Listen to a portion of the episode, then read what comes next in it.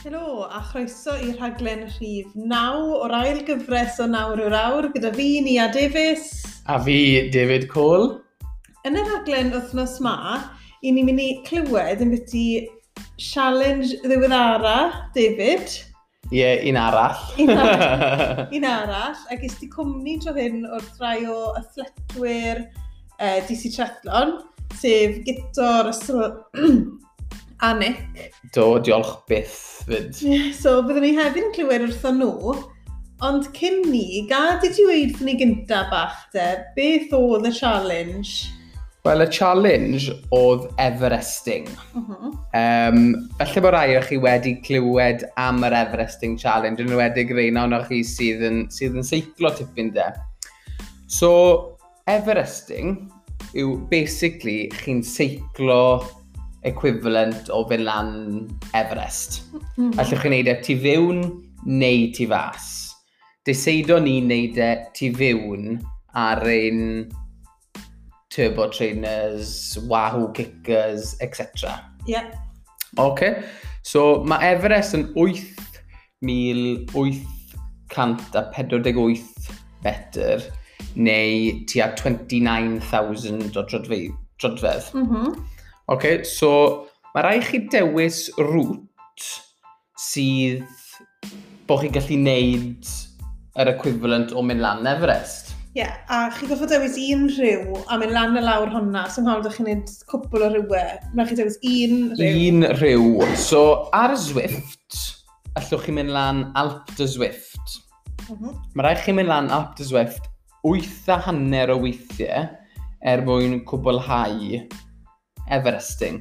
Ie. Yeah. Oce. Okay. So mae hwnna'n un ffordd o wneud. E. Mae rhaid i chi cael eich turbo trainer, y wow kicker neu beth bynnag chi'n defnyddio, ar 100% difficulty. Okay, so mae fe wedyn yn newid gyda'r gradient. So mae fe'n gwmwys fel bod chi'n seiclo lan mynydd ar 10% 15% ac yn y blaen. So mae'r gradient ar y ciciau yn teimlo'r un peth a gradient ar y rhewl. Yn gwmws, oce. Okay? Mae rai bobl yn neud e tu fas, a mae rai bobl yn neud e tu fewn. O'n i wastad wedi moyn, nid i'n neud lot o marfer ar, ar, ar Zwift, ar y Wahoo, dros y geia. Um, Mae'n challenge sy'n wastad wedi bod ar y feddwl dy fi, so oedd e'n um, rhywbeth, oedd e'n eitha daunting, ond rhywbeth o'n i moyn treial cwblhau os ych chi yn moyn neud yr hewl tu allan, rhaid chi sy'n lleol i, i Aberteifi er enghraifft, allech chi mynd lan a lawr y preselis, mm -hmm. 29 o weithiau. Wff. Mae hwnna'n un ffordd. Neu, bia sy'n seiclo yn ddiweddar ar lan bwlch y groes. Yep. A hwnna'n tipyn, tipyn o gleim fyd. O, fa'n wedys di, oedd enis. Um, faint o weithiau lan a lawr bwlch y groes ydde i wneud Everesting? Sa'n siŵr, ond mae Hannah Monday wedi wneud e yn ddiweddar. Ond mae tri gwahanol ffordd i mynd lan bwlch y groes, so fi'n credu mae'n dependo pa un o'r rwts na chi'n dewis. Oce, okay, so ethwch chi'n mynd lan a lawr bwlch y groes. Wedi bod i 30 o weithiau? Ie, yeah, rhywbeth tebyg i'r Bryseli fi'n meddwl. Ydych chi'n mynd lan a lawr um, mynydd o'ch dewis nes bod chi'n cyrraedd yr equivalent o Melan Everest. Ys tŵls mae tactics yn o'r hwnna, fyd, os e? achos os chi'n dewis rhyw rhaid climb really serth, fel nath, yn um, really hir, sori, fel nath o chi, i chi'n cael mwy o brec ar y ffordd lawr, achos mae'n hala mwy o amser i chi ddod lawr, ond chi'n cael brec llai aml. Lles, os byd ti'n mynd lan y lawr y Preselis, ti'n cael brec 30 o weithiau yr ystod yr amser na, ond mae'n llai o brec. Mae'n llai o glaim, fyd, ie. Ydy, ydy. So, ond, I suppose, y manteision o wneud y tu fewn yn hytrach na tu mas yw pan mae'r avatar a'r Zwift yn dod lawr rhyw, sy'n eisiau ti fod yn pedlo neu stiro, ti di literally jumpo off y beic a mynd i'r tu bach neu mynd i hol bwyd yeah. neu beth bynnag. So oedd hwn yn rhywbeth o'n i wedi ymchwilio mewn i tipyn mm. cyn, nes i ddim just dyseido rhyw fore o fi'n mynd i'r Everest. Hwn yn rhywbeth fi wedi edrych mewn a darllen lot o blogs um, a edrych mewn i fe yn, yn, yn fanwl. Fe maen nhw'n gweud preparation, fail to prepare and be prepared to fail. Mm. Um, so, pan chi'n mynd lan, oedd y cadence tua 60, sef mae'n anodd ar y coesau. 60 RPM. 60 RPM. Ond wedyn, o'n nhw'n gweud, defnyddiwch y downhill mm-hmm. fel cyfle, mae fe tua 10 i 12 munud, fel cyfle i cael bwyd, i llanw'r boteli dŵr lan, i newid bib shorts, i newid t-shirt, i cael tywel arall, i stretcho'r coesau. Um, so oedd hwnna'n rhywbeth oedd yn hanfodol er mwyn defnyddio y, y mantais o'r 10 munud na, er mwyn neud yn siŵr bod ti'n barod i mewn lan 8 a hanner 8 fi jyst yn meddwl nawr, os bydde ti wedi penderfynu wneud hwnna ar y preselis, wel, obviously ti ffili dod off y beic pan ti'n teiglo nhw lawr, a hefyd, mae'n ti'n meddwl bod y bethau fel, ble ti'n mynd i wneud ti bach, a bethau, yeah. so fe quite mor... Um, Fi'n meddwl mae ma opsiynau da ti, er enghraifft, gweud nawr bydde ti'n moyn wneud e ar y preselis, bydde ti'n lle parco dy gar neu dy fan mm. ar wneud rhywbeth ar dechrau le o ti'n mynd i dechrau cleimo a sy'n byd yn stopo ti dod lawr jump off y beic pan ti ar y gwylod, cyn ti melan eto, oh, yeah, yeah. i cael dŵr, i, i dynion felly, mynd i ti bach mm. yn, yn claw neu rhywbeth fel la, ti'n modd. Um, ond ie, yeah, felly mae ma llai o pethau da ti, mae'n rhaid ti bod yn fwy, ie, yeah, llai o cyfleusterau, mae'n rhaid ti felly dibynnu fwy ar partner teulu felly, er mwyn fod na mas yn ganol o preselis neu rhywbeth dati. So ni wedi siarad gyda Gitor, Syl a Nick. A wedd doi cwestiwn really wedi'n ni'n holi nhw. So dwi'n mynd i holi rhywna i ti mm. nawr. Mhm. So'r cwestiwn gyntaf, gyffredinol, siarathu dy ti? Wedd e'n anodd. Oedd e'n fwy anodd na beth o'n i'n meddwl oedd e'n mynd i fod. A sa'n gweud bod fi wedi underestimate o ge, ond Ti di underestimate Ie, fi'n meddwl o'n i wedi underestimate fe. Oedd e'n galed iawn ar y cyhyrau a'r penluniau.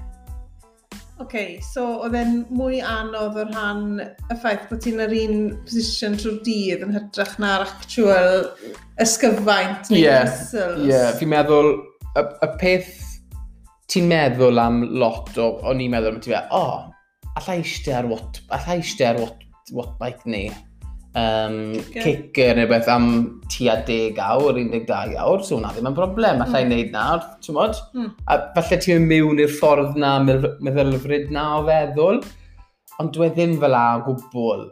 Ti mas o'r sadl yn mynd lan rhyw am awr cyn bod ti'n gallu meddwl bod ti'n cael unrhyw sort of respite. Yeah. Neu'r recovery.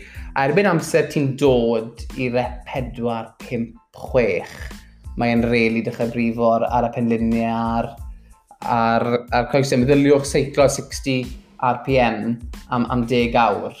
So, ti siarad fyna beth ti rep, a fi'n gwybod ma, pam ni'n ni clywed wrth y boes wedyn, maen nhw'n siarad beth ti rep 6 lot, so jyst i esbonio'r grandawyr.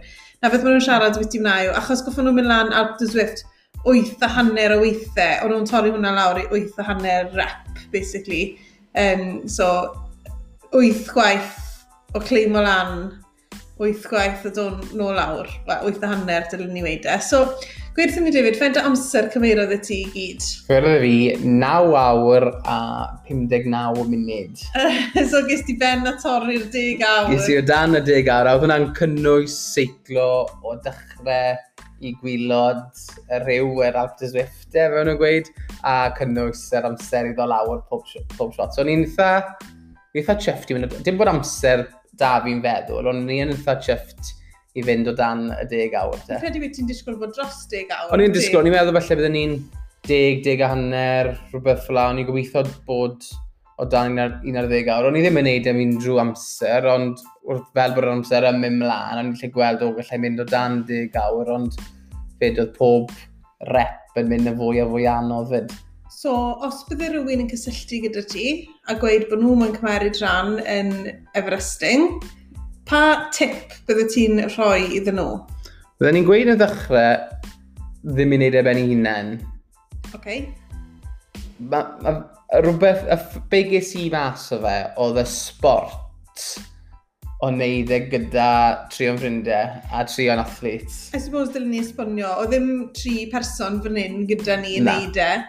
Oedd David yn ar boes yn defnyddio technoleg um, Discord, felly bod rhaid chi'n gyfarwydd hwnna, lle chi'n gallu siarad o'ch gilydd a gweld o'ch gilydd os ydych chi rili moyn hefyd. Um, so chi'n gallu neud na. Neu Zoom, neu beth bynnag, allwch chi wsio yeah. drwy'n o'r ein, ti'n modd?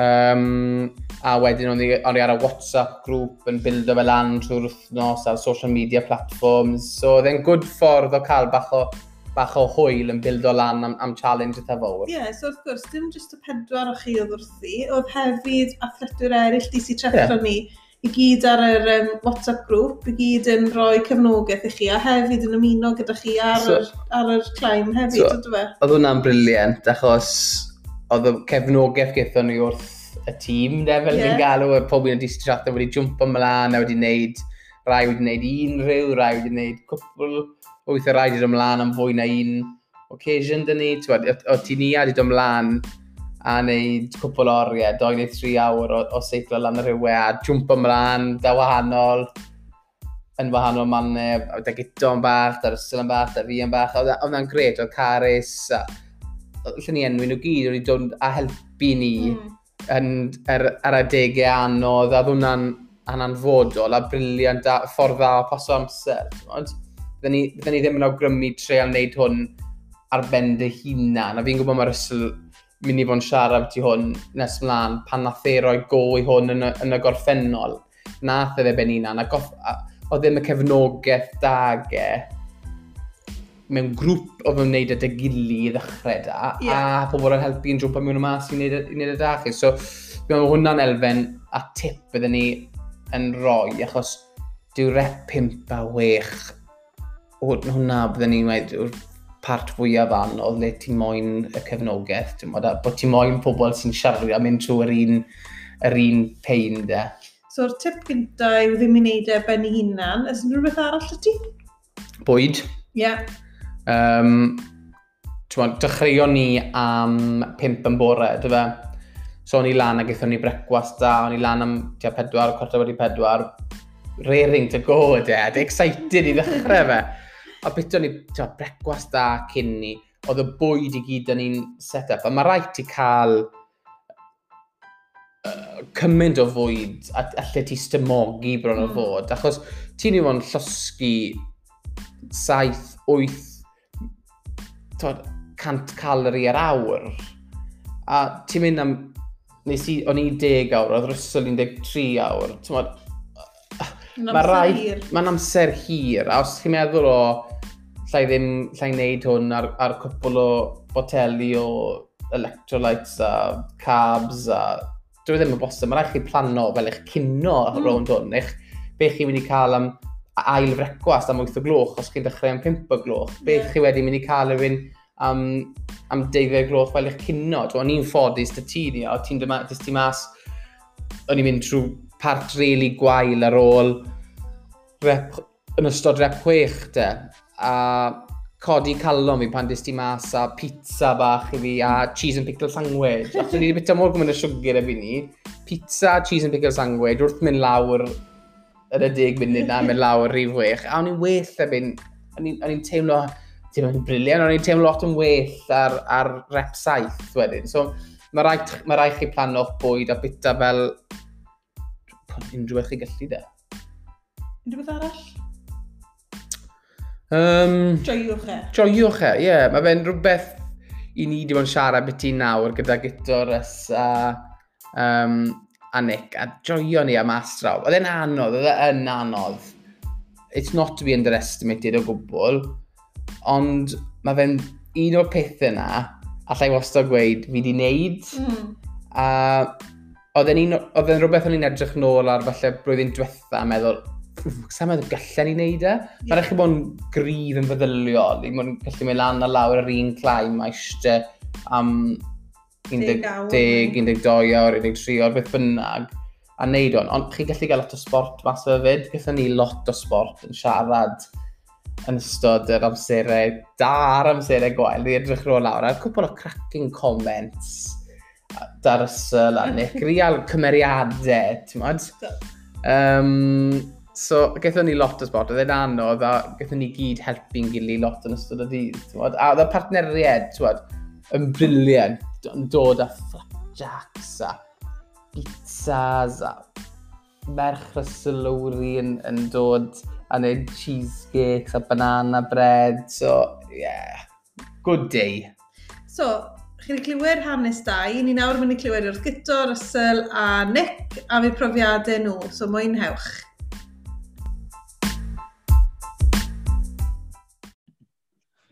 Hi Nick, how are you mate? Yeah, good thanks, you alright? Yeah, good. Congratulations on becoming uh, an Everester. Yeah. How, how does that feel? Oh, it feels good now. At the time, it didn't feel so good though, but uh, yeah. How, how did it go with you? What's, what's the first thing that springs to mind? Getting roped into it probably was the first thing. um, yeah, you know, I, uh, yeah, I don't want to be uh, left out of the group, so uh, put my name in the hat, and then uh, you know the 4:30 alarm, and uh, got pretty much mixed in with things then. So came on pretty quick, to be honest. Was there something that you probably been on your mind, obviously being a keen Iron Man triathlete and so on, and you know a few of the few of us were doing it, and you didn't want to miss out, like you said, and you thought, if I don't do it now, I probably will never do it, sort of thing. Yeah, so obviously we had the DC try meetups on the Saturdays, and um, we done the PRL and uh, I missed out on the black jersey. So I knew it would be a good opportunity to uh, put a shift in with the boys and get some street credit back. Like so, basically knew with the 4:30 alarm went off, I thought, oh, I'm in now in the deep end, so there's no turning back. So I didn't want to miss a chance and that. And uh, yeah, the day when I was, it was a good experience to be fair. So I'm glad I glad I backed myself to do it. What was the hardest part? Oh, rep six for me, no doubt. I think. Um, What's happened on rep six? I keep hearing on rep six. That's going to go down history, isn't it? Oh, I don't know. I think at the end of rep five, it was going positive, and then obviously Dai was like two two ahead of us, and then I just thought, oh, do you know, I haven't got long left here. But it was seven hours when I was in, and I did a quick maths calculation, and I thought, oh, I'm just over halfway. And I think, I don't know, oh, the donuts have worn out, the sausage rolls have, hadn't kicked in. the gal and the chocolate milk in the bottle wasn't pulling me through. You know, and, uh, I don't know, I just thought, oh, this is a long, long way to go. And uh, behind the scenes then, I was texting G. I said, oh, mate, I don't, I don't think I got much left in me, if you're honest. And he's like, oh, don't quit, don't quit. And I was like, ah, oh, no. That's, but, uh, that's brilliant, see, because obviously we had a group going, didn't we? Me, yeah. G, Andres had a little group between us, and Nia's on the group as well, just us five. And uh, obviously we were encouraging each other and, you know, helping each other. And I found out afterwards that uh, the boys were kind of messaging each other and didn't want to show that uh, they were thinking kind of if you go and then I'm going to go. But everyone pulled through in the end. That, that was that was brilliant though. so how long did it take you in total then Nick? I think it was 12 hours and 5 minutes in the end. That's a long day.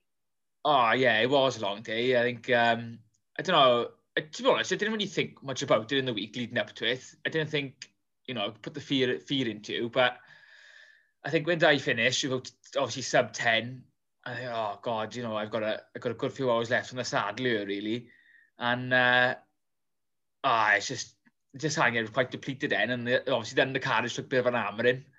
but, uh, you, yeah, you, it's such a long day it kind of morphed into one as well then, but it was nice to have the goosebumps in the morning with a 4.30 alarm. Mm. It did remind me of like race day. Yeah. So it was nice, to, like, obviously that feeling at the minute because we've had nothing over the last year. So it did have like, you know, a bit, of goosebumps and the excitement with it really. Definitely had that race feel, didn't it? You know, when we... Oh, uh, yeah. When we but started and the excitement then. And I think the first, you, you think the first three, Pro- the first three hours flew by, didn't it? The first three reps, every spirits were high, and he was going, well, it was going well at that point. Oh, I think all the boys were really pumped for it. Me, to be fair, we done the first one, cracked open a donut. I thought, oh, here we go, brilliant. Eight more of these puppies, and then we done, innit? you know, got to the third rep then. It was like, I don't know, half past nine, was it? Yeah. Oh, we're going well, yeah. And then four, and then five. I was like, oh, you know, I'm not enjoying this. I'm in a dark place. Did you get uh, out of that place at all? Or did you just have to keep going? I did. I think I took a Red Bull, full sugar, now on Carlos's advice, and mm-hmm. um, oh, it brought me back from the dead. Like the legs came back, morale mm-hmm. came back. Obviously, you know, the, the, the group chat in the morning, we were all bouncing off each other and positive vibes. And uh, I think that pretty much wore off by the fourth or fifth. We, we all logged back in for a Discord chat and it was just silence. And I was like, oh, well, at least I'm not alone in it. But uh, yeah, because it's, it's, such a long day, it was hard to keep, like, you know, it was hard to keep that adrenaline going, I found. Yeah. Especially getting off as well. Ah, it's just getting stiffer and stiffer every time I got off. And I didn't really want to eat, like, I had pizza made for me with the missus, and uh, I just couldn't stomach anything, really. What tips would you give someone? You, you've mentioned the food a few times, so that's quite important by the sounds of it. But what tip yeah. would you say if someone you knew said, I'm going to give Everesting a go on the bike inside? I think it's impossible to do on your own. If you can really do it on your own, you got mental strength like a ninja warrior. I know. I just think, you know, you needed people to, you know, spur you on. And obviously, like, Di finished at like 10 hours, and then we were like, ah, right, you got probably another two, three hours to go. But we knew it was achievable. Mm. Like, if I was on my own, I would just have gone, ah, do you know what, I probably haven't got this, or it's just, this is just ridiculous. But it really helped And obviously, get those like ultra positive and like even in the darkest hour, I've never. He's like he's just so happy just to be on his bike, and I think bloody hell, mate. but yeah, top Well- tips from yourself and positive people. yeah. Uh, plenty of food you like, and probably nothing. Eat nothing rich on the on the breaks. So if you are like on the descending, like I had like um a pepperoni pizza, like sun-dried tomatoes, but it was really rich. So I had like two, three slices and I just couldn't stomach it anymore. So mm. I probably should have gone for the plain pizza.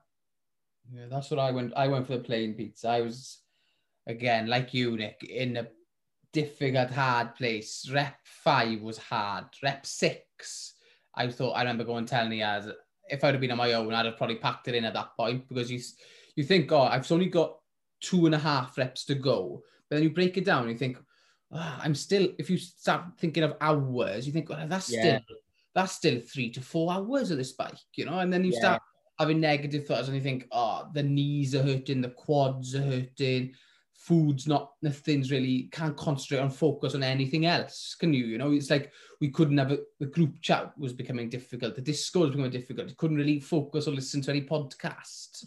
Yeah, like I, I had nothing on the on the TV screen really. I just had a bit of music on for the times I wasn't on the Discord, and then it's just kind of like warped into your own mind really how long and how difficult it's going to be. Like you said, um, uh, like I've done the after Zwift loads of times, and it's normally around you know an hour, hour ten. But then all of a sudden I'm banging at like hour twenty, hour thirty, and then I was like, oh, I've got three left. It's only an hour and ten minutes, but it weren't. It was an hour thirty. And I was Mm. like, oh no, it's just four hours. And then, I don't know, that can put you like in a dark place. But you've got to do each corner at a time, really. And kind of broke the climbs up. I was just getting up the saddle for the apexes. Mm. Just like, give me some, you know, something to do, really. But, have, you uh, been, uh, have you been at Balp to Zwift since then? No. no. Never again. but uh, I won the wheels about seven or eight times. Well, seven out of the eight times. So Yeah. that was good. That was an ongoing joke, would it? I was delighted when he got the wheels. I, mean, Oh. I probably the whole estate cheered me when I finally got the wheels on like the fifth attempt to try it or whatever. You're But, laughing uh, every time now. but uh, no, it was a it was a great thing to do together. And as you said, Nick, I think having the four of us doing it together is certainly a day. It brought us four of us closer together. we had a lot of fun, a lot of emotions, something that we've been through together. And with a lack of events, I think it was a brilliant thing to do, a brilliant challenge to take off. And uh, I think it's definitely, we all helped each other to, to achieve what we did. Oh, definitely. I think it was just good to have the, like I say, back to the group chat. I think, if, you know, if you didn't have that, I would really, really struggled. Mm. Um, you know, one point, uh, I think, um, Russ's comment if I was saying, "I'd just rather be dead." it was weak. there were some solid laughs on the bike, you know, and uh, yeah, looking back, it does give you that race race feeling and good sense of achievement, and it's nice that the, you know the times you can chuck your energy into something. So at the minute, there's you know there's, there's still so many uncertainties with everything else going on. So Would you You do know. it again? well, I was going to tell the boys they fancied a double. Please don't mention that to Russ. No. Ah, no, no. I, don't, I don't think I'll be doing it again. Like, well, I won't be rushing back to it anyway, so... Oh, definitely not. Hey, no. hey brilliant. Thanks, Nick. Hey, cheers, guys. Take care.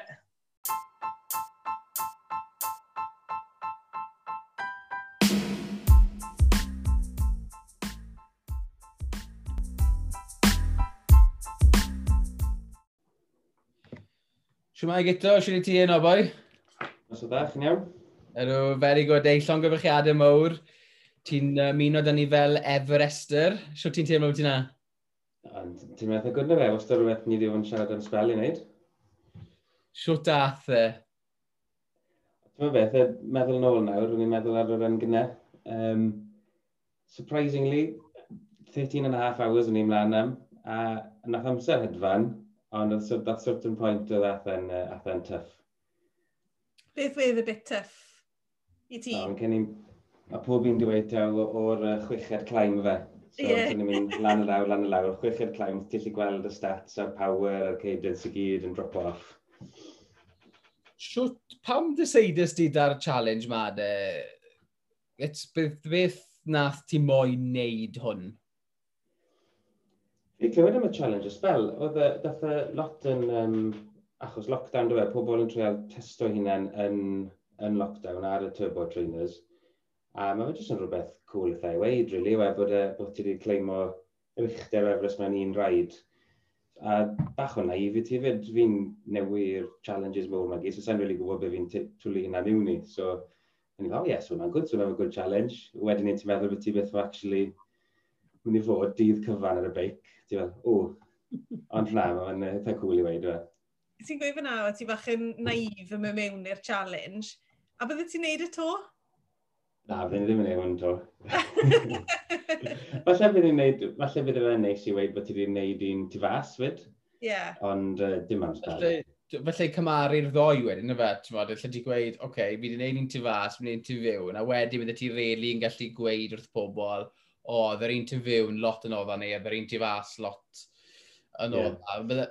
Bydde fe Sion, ti'n modd, bydde rhaid ti'n neud lot o ymchwilio a edrych mewn i pwy claim bydde ti'n really moyn neud i neud e ti fas. Ti'n modd, ni wedi siarad beth ti'n dan gilydd. For example, fi'n meddwl, os bydde ti'n moyn neud y preselis, bydde ti'n goffi mewn lan y preselis, ti a bron o fod 30 o weithiau, fi'n meddwl, ti'n modd? Ie, yeah. mae ffactorau gwahanol i gael, ydw se, yn um, mynd i fewn, mae gegin jyst drws nesaf, so mae'r bwyd i gyd ati'n barod os ti'n paratoi. Mm. Toilet am un beth, tywydd, popeth li. Ond ro'n i gyda fod mynd i fewn, o'n i gyd yn becso fod i technoleg, o'n i. Cyn i gyd yeah. problemau da batri iPad i. O'n i'n gweld iPad batri fi mynd lawr trwy dydd, o'n i fel, o, os mae technoleg yn gadw ni lawr nawr, mm. a fel yr wythfed claim, o'n i fel, dwi'n mynd twli'r iPad trwy ffenest. Oedd Ilia Zwift yn crasio neu beth fel ar. O, baid. Y stem claim neu beth fel ar. O. Darglan nes, bydde? E? O, bydde. O, bydde ni ddim wedi moyn fod yn yr un rŵm ma chi, os bydde hwnna'n oh. digwydd. Na, pwdi am wyth meter.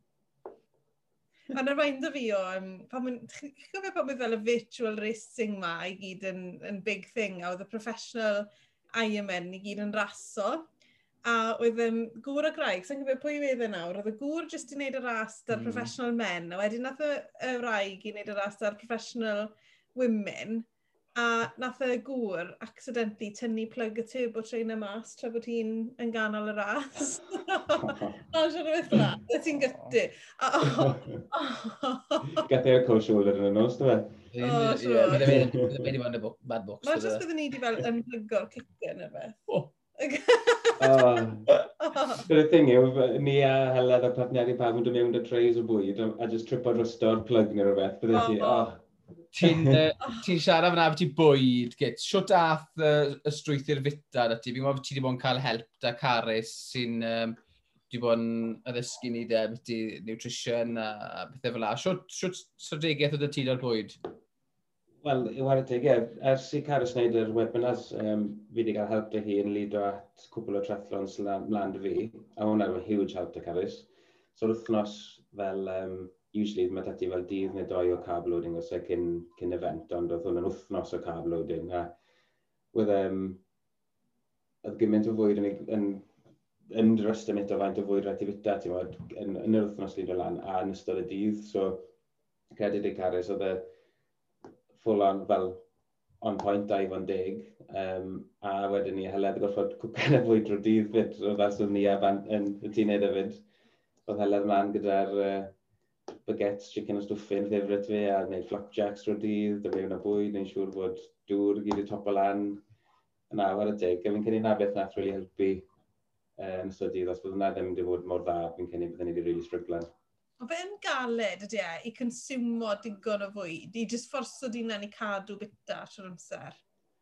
Ie, yeah, wedd y handful o reps gyntaf lan y lawr, o ti'n gallu bita ar y beic, a mm. bita off y beic, ond Oedd e fel petai unwaith oedd y coes yn dechrau mynd fel, fel o'n i'n weid, fel rep chwech ymlaen, oedd y brec rhwng yr descent, yr asbod yn just mynd fel mm. yn dwy mm-hmm. funud, un dyn nhw'n taw deg mynd o ddeo. O ti'n mae'n newid, o ti'n mae'n refresh na lan, o ti'n falle newid shoes ti. Sychu chwys i gyd off, a ddim amser o ti bit ni. Ond yeah. beth fi'n jyst i reit y diwedd, ti ar ep saith mlaen, o'n i ffili stymog o bwyd rhagor, o'n i just, just ar y liquids wedyn ni, am ti ar doi rep.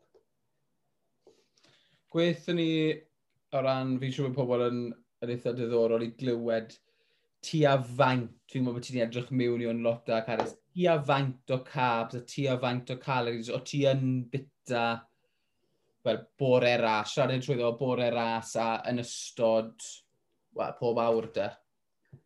So, well, y, y stat fwyaf fel um, o'n i'n uh, map codio eyebrows fi, oedd y dydd cyn i, oedd e'n roedd ei target fi o dros 800 o uh, grams o carbs, which in, which in huge. A just i roi hwnna'n e perspective, cyn yr half marathon rhoi ysdi ni, with, uh, rhoi oedd ei 600, so then 200 extra just yn y dydd cyn ni. A wedyn ni yn y bore, um, mae Caris Wyston yn weid tua 100 i 125 grams o carbs yn bore gyda bach o protein fyd a digon o ddŵr, jyst ni'n siŵr bod ti'n hydrated, ond beth mae hi'n weid sy'n eitha pwysig fyd yw jyst cyn event neu rhywbeth mawr fel la neu reid mawr y disadwn nhw gael y carbs jyst cyn dymu'n i gysgu yn oswedd cyn i fyd. Ni'n siŵr bod liver um, efo glycogen stores, mae Caris yn gael o ges. Yeah. Na ti, fydda'n cael tick in the box dy Caris yma. Um, just ni'n siŵr bod ti'n bod popeth i top o lan fe. Wyt ti wedi gweld hwniaeth yn uh, performance ti ers i ti wedi dechrau codi neu cynnyddu'r calories a'r, ar carbohydrate intake, de?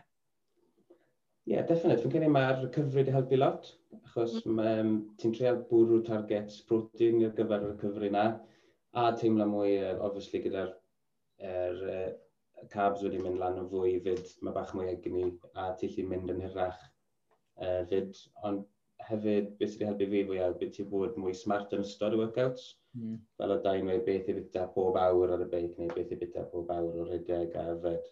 Uh, hwnna sydd wedi helpu fwy o fyd. Dwi'n meddwl rai fi um, camol ti gyda hwnna, gyts, achos ti'n newydd i hwn. Twa, ni wedi siarad â Nick, ni wedi siarad â rys a fi, ni'n fyd, ni wedi bod yn neud e spel, a mae rai fi camol ti, achos bydd y grondawyr, falle bydd nhw ddim yn gwybod, ond on 8 mis yn ôl, o ti, hefyd, o, ti, o ti ddim yn seiclo, o ti ddim yn redeg, o ti ddim yn triathlet, ti'n modd? A... Fi Dal ddim yn triathlete, dau, dim to. Na, ti'n modd, ti'n gwybod, ti'n mynd i'n dda, mae dy fi, ti'n modd, mae dy fi pob yr a ffydd yna, ti'n bod ti'n mynd i'n rili dda, unwaith bod, bod yr event nawr a cystadlaethau yn dechrau, ond o ti, ti'n newydd i hwn i gyd, a ti, ti fel sponge yn cymeriad popeth mewn. Yeah. A o'n i bai am yr ymchwilio a siarad y caris a siarad y fi gyda, strateg, gyda wahanol strategaethau, bydde, bydde hwn ddim wedi bod yn bosib i ti, ti'n modd? A ti'n siarad nawr ar ôl wneud Run December Challenge, a nawr ti di wneud Everesting. A sy'n lot o bod sy'n sy'n troi rownd a gweud, ar ôl 8 mis, fi lle wneud yr Everesting. Na, so, fi'n cytuno. Mae rai fi, ma rai fi camol ti gyda hwnna. Dim yn unig twli di dan mewn i'r deep end, ond on llwyddo hefyd, ti'n modd? So gyto, cwestiwn sydd da fi ti, os bydde rhywun nawr yn troi at y ti a gweud, dwi'n mynd i wneud Everesting ti fewn, Pwy tip bydde dati un nhw? Un tip, ie. Yeah. O, un tip. Um, bwyd, bwyd, bwyd, bwyd, cabs, cabs, cabs, cabs. Ond hefyd, na beth nath really helpu ni, oedd y disgod ar um, social media, oedd pob un yn involved, pob un gallu dod i join joino ni. Oedd hwnna'n huge, huge help. Gweld, just gweld enwau rhywun ti'n abod yn seiclo dati, oedd hwnna'n massive help. Ges ti lot o bobl yn dod i seiclo dati, dy fe? Lot o bobl wedi cefnogi ti a i'r ynes ddim yn deall ar Zwift, ti'n wedi just clico rhaid with gito, maen nhw'n gallu seiclo gyda ti. Ges ti lot o cefnogaeth fyd sy'n neis? Do, gathom ni gyd um, good uh, cefnogaeth do fe, ond ie, yeah, fi'n nabod cwpl o bobl, oedd hi'n boi ar y tywe, o'n i'n nabod i'n neud e o blaen fyd, oedd e'n rhoi lot o cymor i fi fyd, so oedd e, oedd e'n neis join oedd e fi am un, join oedd Sarah, ffrind o sgol am un, mae hyd yn neud Iron man Cymru. Uh, na, dwi'n gwyd. A beth mae'r beth mae'r deulu a heledd i meddwl o'n i gyd ag So mynd o wneud dim a nawr ti'n jwmpo mewn i wneud y stwff ma i gyd. Faint o gefnogaeth a beth mae nhw'n meddwl o'n i gyd? O, oh, pob tro fi'n weithio, mae'n gi oer fi, mae'n gi bod mas am tair awr o beic a fi, mae'n meddwl, oh, pam ti'n neud na hynna'n? pam, pam, pam ti'n neud na? O, oh, fi'n just, o, mae'n gi eithaf. Oce, oce. Na, Mae Helen yn massive. Ie, mae'n meddwl bod ni wedi golli ddi fi fel. Ydyn, Na, briliant. Mae'n cadw mowr i ti gyd. Ie, da iawn gyda. Na, diolch wes. Diolch fawr.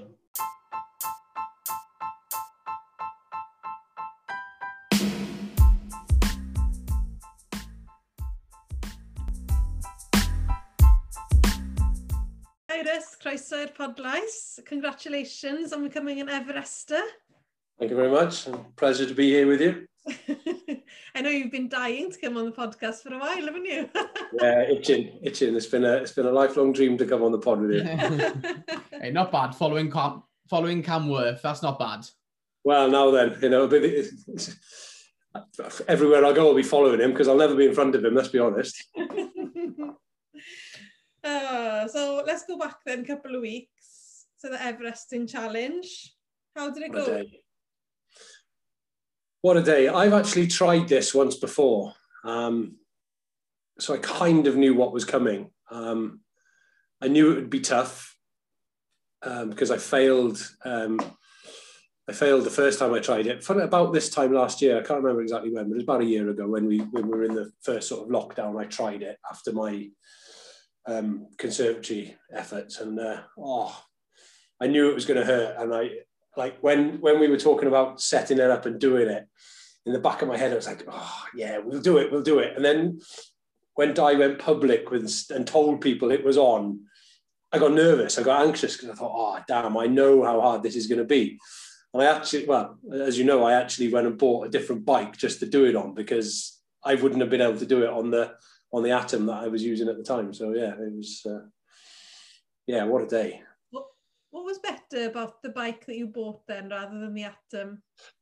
Well, I mean, I've for the last two and a half, three years, I've had a Watt Bike Atom that I've used for all my indoor cycling, and it's been it's been faultless. It's a brilliant thing, brilliant piece of home equipment, but it's you know, it's like I say, it's two, three year old now, and it to to to climb up the Alpe d'Huez eight and a half times, you need to have a decent cadence and be able to spin the legs.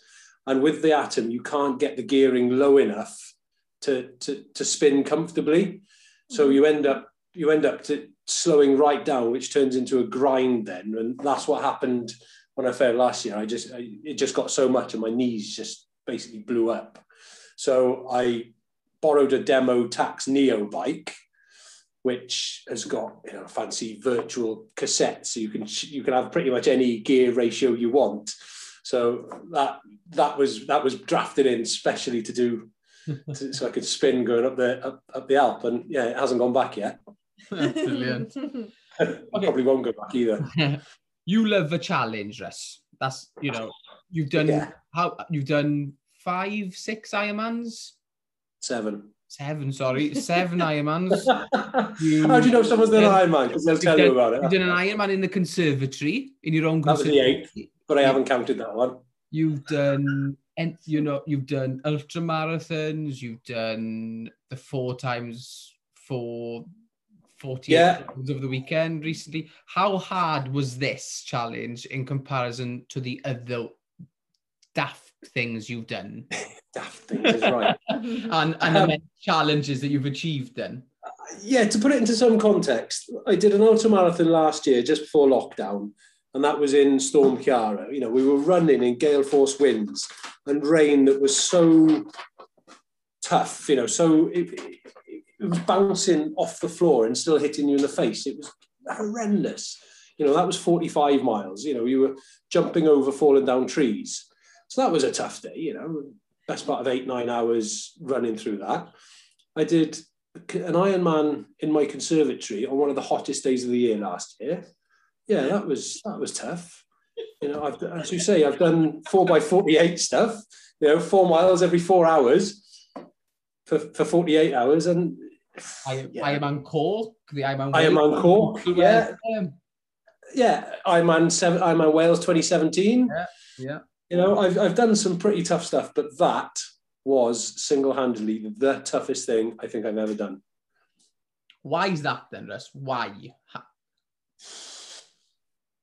Ha- Because it's relentless. It's just climbing. It's just Mm. climb, climb, climb. You know, for for someone like me, I mean, on the on the the Zwift on on the Everesting challenge, obviously you've got to have your your trainer at 100% difficulty, so you get the real world effect of the hill.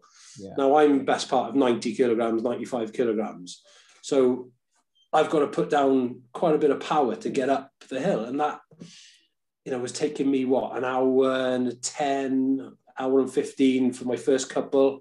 And that turned into like nearly two hours for some of the later climbs. We won't talk about rep six. But, you know, to put it into context like that, what was, I obviously know, what, tell people the average cadence for the 12, 13 hours that you were at. I think, I can't remember exactly. I think it was 67. Yeah, mine was 69 then. Yeah, so, so I, I, knew we were similar. Yeah, 67, I think it was. 60 to 70 RPM for 12 to 13 hours, which puts into context the, the difficulty on the, the quads, the knees, the... Yeah, I mean, you know, it was, I think I was 13 and a half hours in total time. Um, you get the, the 10 minute, 12 minute recovery coming down after each out the Zwift climb. So take that off the time and it's still got to be 12 and a half hours of cycling. Yeah. And it's, you know, and there's no freewheeling in that. It's all 70 RPM grinding, you know, and 200, 250 watts at 70 RPM and it, it hurts. You Hurts briefly- lots. You briefly mentioned there rep six, and I've heard a lot about rep six, but was that the hardest part of the day? Rep six, I think, was the point where I was calling for the Undertaker. Yeah. Um, that that that was, I don't know. I think rep six is possibly the tough one because on seven and eight you knew you were nearly done.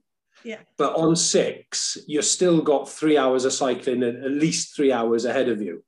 You know, you're, you're nine hours in, nine and a half hours in, whatever, and you've still got another three hours. And it's just at, at that point, you just think, I don't want to do this anymore. I've just had enough. You know, what I think once I got through six, as I say, seven was a bit easier then because you knew it was the last but one, and then the eighth, obviously, it's just you know, oh, I've done it now, I've cracked it, and then you your mood lifts. But when you when you're so far in and you've still got so far to go, it just seemed never ending, absolutely never ending. Out of all of the boys doing it, then you're the one who's probably the most experienced in endurance events. But you were probably the one that went the quietest, struggled the most. What did Hands you down. do to pull yourself out of that? Because you did come back by the end. You did start talking again by the last rep.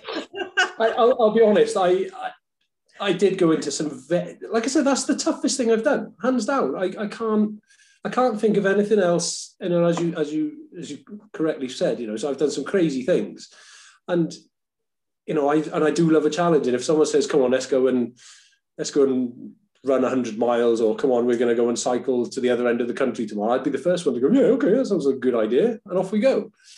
So, yeah, I mean, I know Ghetto, you know, he's never done long stuff. You know, he's new to the sport, and he was he was the positive one. You know, I going into it, I did think I've got the experience. I'll I'll be the one picking these guys up. But in all honesty, it was the other way around. I was the one struggling physically and mentally, and I went to some really horrible, dark places where I just thought I can't do it. And if one of the other boys had said I'm out, I'd have been I'd have been straight off the bike with them. Do you I- think that their naivety helped them? You knew as it was getting hard, you knew where it was going. You knew that dark place was coming, whereas they maybe have, have never put themselves there before. So mentally, it was easier for them. Possibly, yeah, you could be right there. I mean, Nick's done an Ironman before, so he knows, you know, he knows endurance. It's not a complete stranger to him. Yeah, I mean, I've done seven or eight if you include the indoor one, and I mean, I first I underestimated the difficulty of it.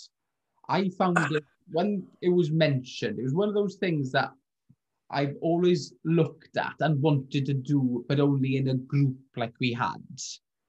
You know, Yeah.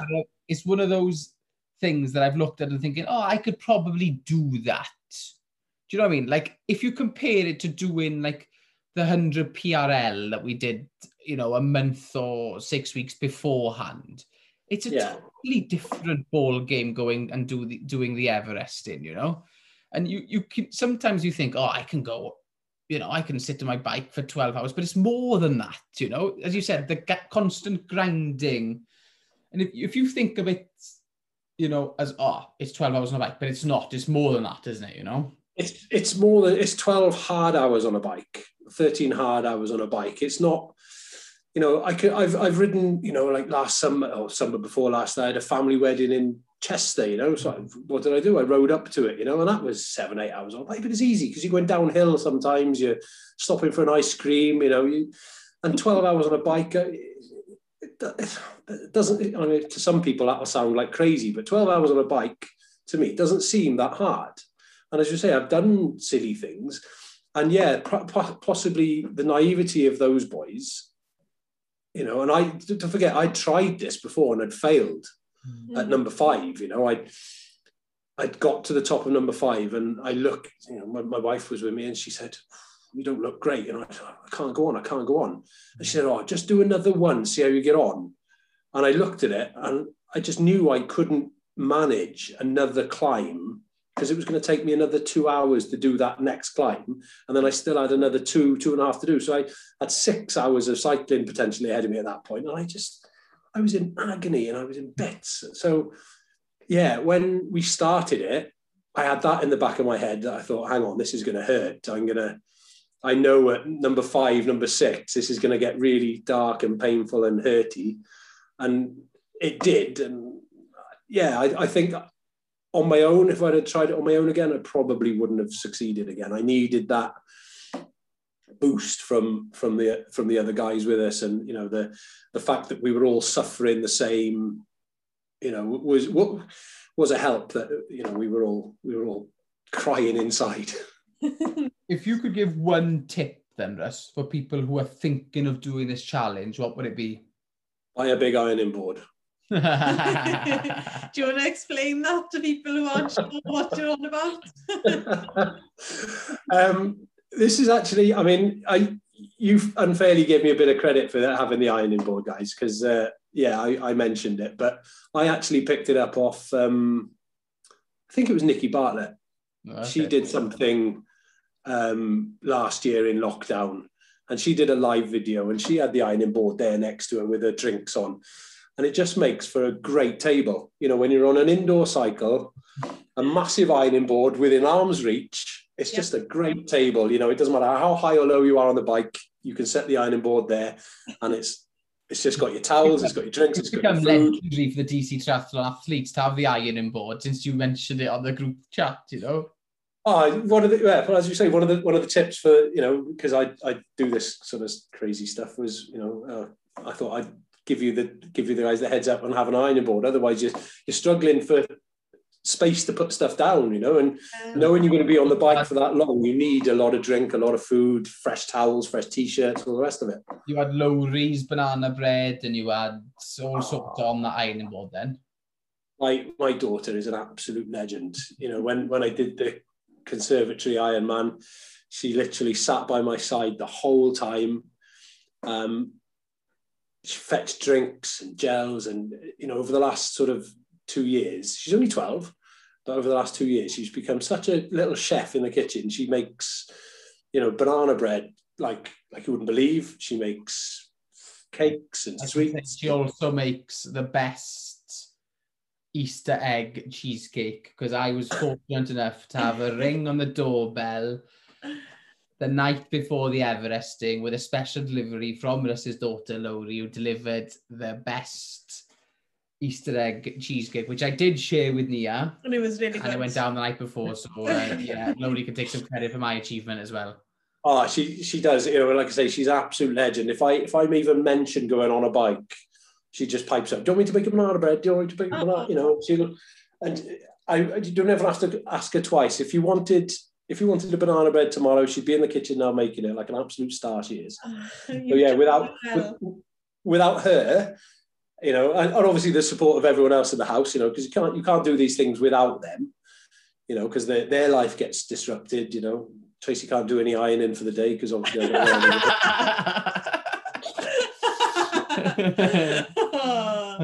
so you know you, you've got to hand it you've got to hand it to, to the wives as well and the, and the partners and so on because they are there they are part of it even though you know and they're obviously feeling your pain while you're struggling you know because when when they look at you and you can see you you, you want to cry and you you know you, you you're hurting they, they don't want to see you hurt. You know these are the people that love you and live with you so they don't want to see you hurt but and then you're voluntary voluntarily doing that to yourself and they, they you know they, they sort of question that and are you sure you shouldn't stop?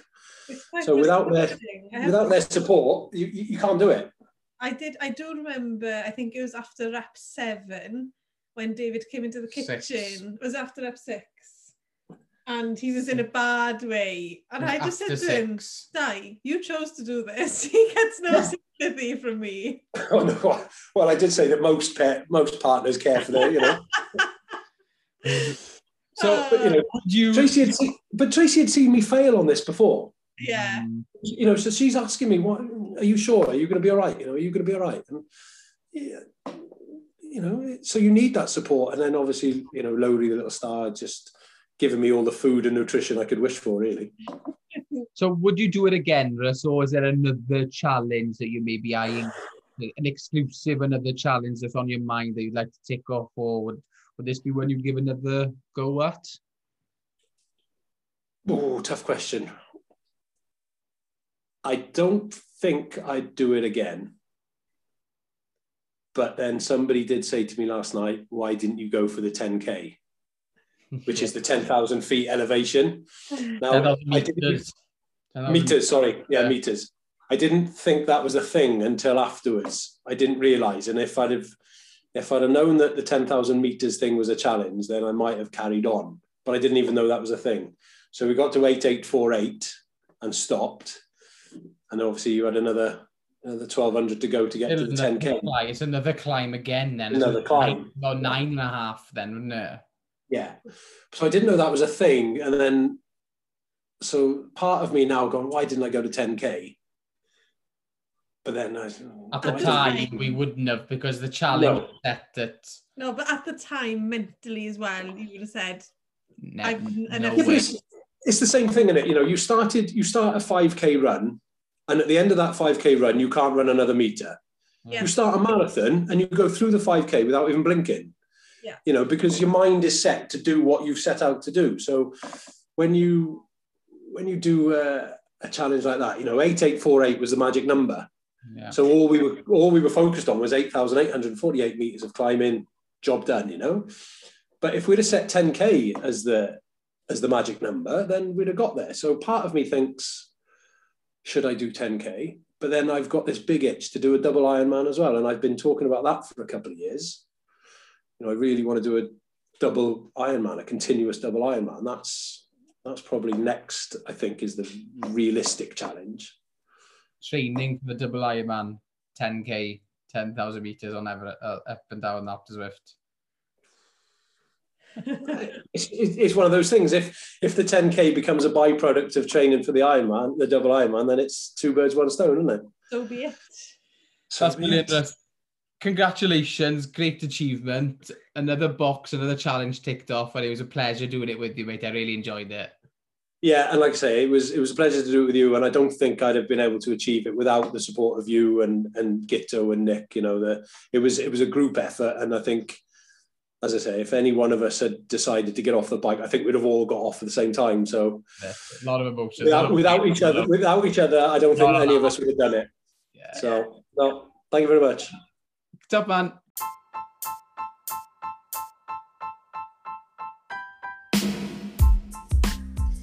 So, diolch yn fawr iawn i Gito, Russell a Nick am dod i siarad yn ni ar y podlais. Maen nhw wedi bod yn profoco ni ers nhw dod arno yn gweud bod nhw'n uh, edrych mlaen i derbyn appearance fi nhw, yn dyn nhw, David? O dyn, ond fi'n meddwl um, fi, fi, fi fydd yn halau'r invoice i nhw yn, yn, yn y post a fi edrych mlaen cael y check wrtho nhw am, am, uh, am, y... Pleser. Ie, yeah, pleser o cael dod ar y podcast yma, fi'n meddwl. so, na beth oedd y challenge mwy mwyaf ddiweddar na David? I mean... Fi bai Russell oedd hwn. Mae wedi bod... Mae wedi bod... Mm. Mae wedi bod mwy neud er spel fawr. So, um, fi'n falch bod wedi cwbwlhau e, a mae fe'n challenge arall fi wedi tica'n offyd. So, a wes i'n chi mas fan a'n meddwl wneud fi Everesting neu Everesting ti fas, os i chi rwch gwybod i ni. Neu, a wes rhyw challenge arall chi'n meddwl dyle dau ar boes wneud, neu a wes rhyw challenge mas na i chi'n meddwl wneud. Rwy'ch gwybod i ni. Ie, yeah, bydde fe'n greu clywed.